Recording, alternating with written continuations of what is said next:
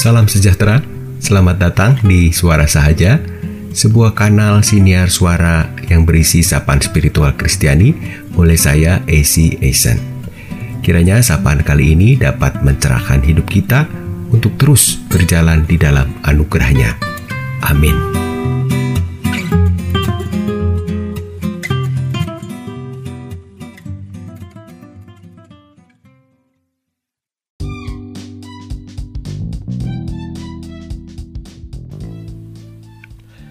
Koreksi itu bagian dari belajar. Tanpa koreksi, kita tetap pada kekeliruan dan kesalahan yang menyusahkan hidup.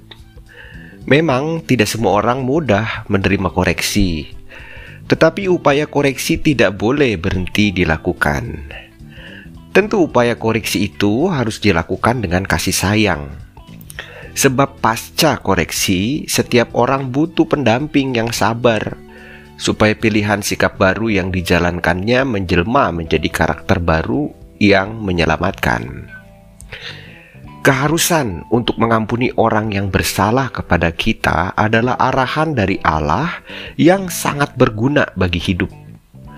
Dengan memberikan kasih dalam bentuk pengampunan, pikiran dan hati kita tidak lagi dikuasai oleh beban kebencian.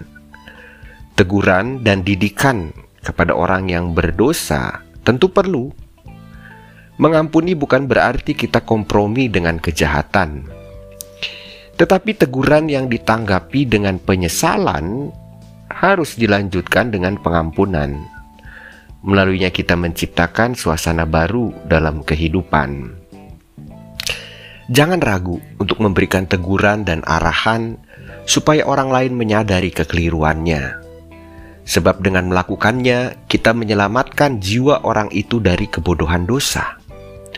Jangan ragu untuk memberikan kesempatan baru baginya, untuk mengambil langkah baru yang harus ditempuh, sebab dengannya kita sudah menjadi jalan damai Allah baginya.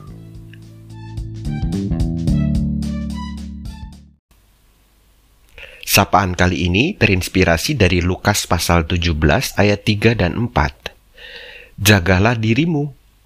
Jikalau saudaramu berbuat dosa, tegurlah dia.